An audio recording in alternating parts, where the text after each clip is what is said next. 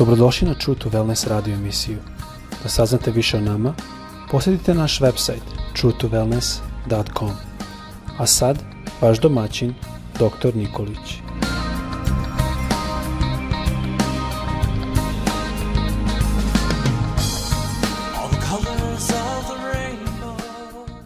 Draga braćo, drage sestre i dragi prijatelji, želim da vas sve pozdravim i da vam poželim obilan Boži blagoslov danas. Želim da govorim na temu obnavljanja naših odnosa, to jest obnavljanja razrušenog zajedništva. I za tu priliku ja ću samo pročitati jedan citat iz poslanice apostola Pavla Korinčanima, pete glave, 18. stih, gde je ovako reč Božja kaže A sve je od Boga koji nas je preko Hrista izmirio sa sobom i koji nam je dao službu pomirenja.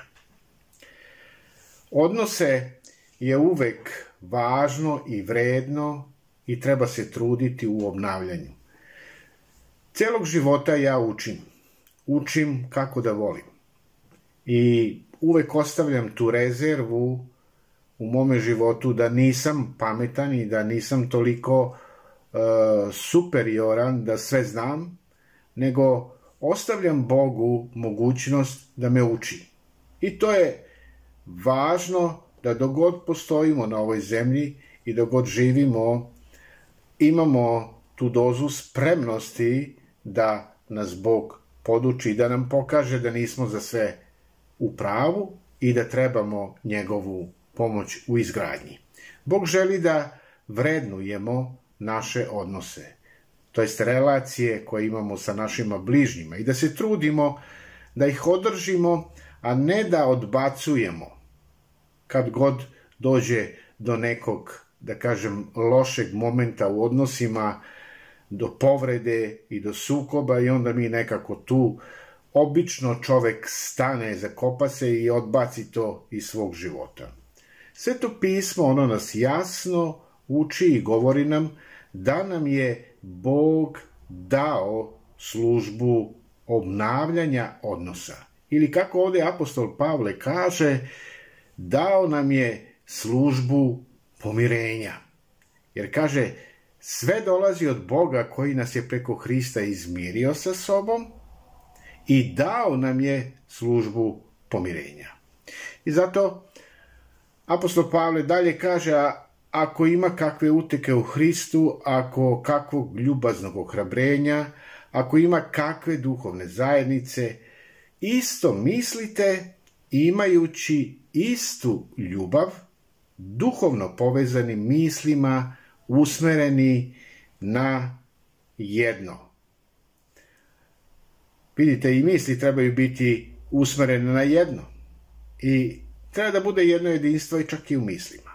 Apostol Pavle je, uči nas u stvari da je naša sposobnost da se jedan e, sa drugim slažemo i kao odraz toga jedinstva jeste u stvari ta duhovna zrelost koju Bog očekuje da imamo u našim životima.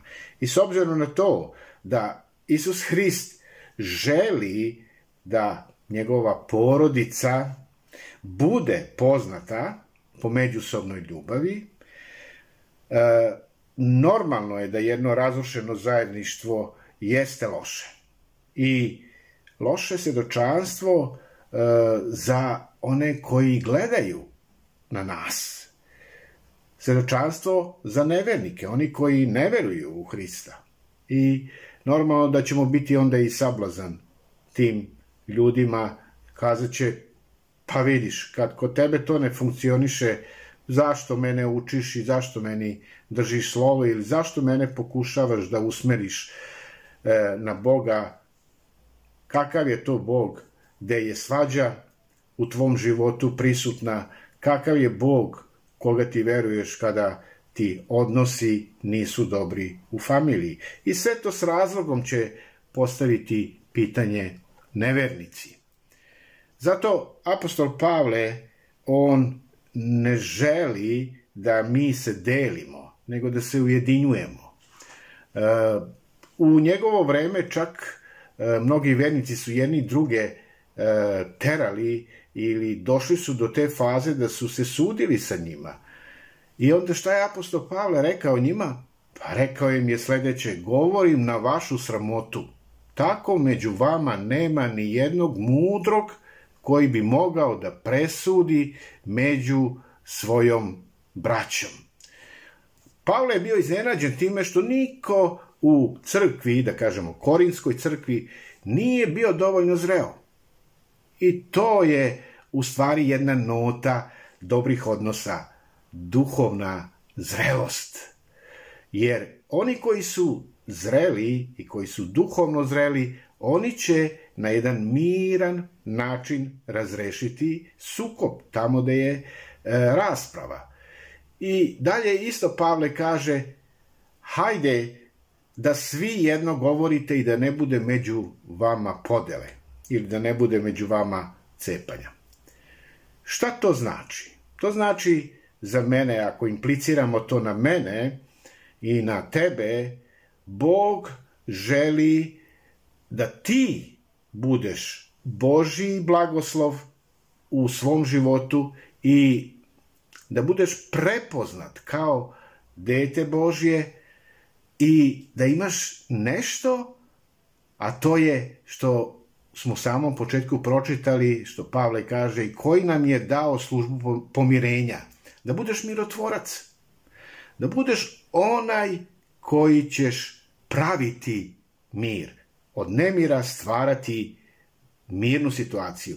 Isus je rekao za te mirotvorce sledeće. Blago ili blaženi su mirotvorci, jer će se oni sinovi Boži nazvati. Zapazi da Isus nije rekao blaženi su oni svi koji vole mir. Zato što, pa naravno, svi mi negde u svojim očekivanjima očekujemo mir. Nije rekao ni blaženi su oni koji su miroljubivi, koji se nikad ni zašto ne uzbuđuju, nego Isus je rekao blaženi su oni koji rade na miru ili koji čine mir, koji tvore mir, oni koji aktivno traže rešenje sukoba. Mirotvorci su redki i to danas možemo da vidimo da je stvarno prisutno i u porodicama, pa dalje u društvu, pa dalje i globalno u svetu. Mirotvorci su redki zato što je e, tvoriti mir ili rađati mir ili raditi na miru jedan vrlo, vrlo težak posao. A mi smo stvoreni da budemo deo Božje porodice i zato neka nam Gospod pomogne da budemo mirotvorci. Mirotvorstvo ne znači e, izbegavanje sukoba ili ja to znam da kažem idem linijom manjeg otpora, bežim od problema. Pretvaram se da taj problem ne postoji u mom životu ili plašim se da o, o, o problemu govorim. Plašiti se o problemu govoriti to je jedna vrsta kukavičluka. Isus, car mira, nikada se nije plašio sukoba. I nekada mi trebamo da izbegnemo sukob, nekad da ga stvorimo, nekad treba da ga rešimo. Ali sve to što mi radimo treba da bude u jednome pravcu, a to je da nas Duh Sveti vodi da dovedemo tu uh, lošu situaciju u stanje dobre situacije, gde naš duh, duša i telo i našeg bližnjeg može da se odmara da to bude jedna dobra i zdrava relacija.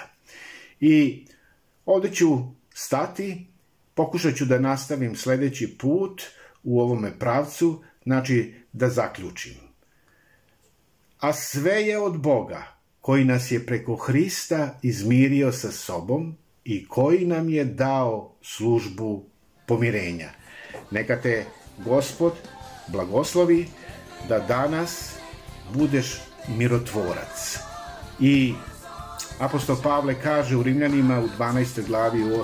stihu Ako je moguće, koliko od vas zavisi, živite u miru sa svim ljudima. Boži blagoslov vam želim. Amin.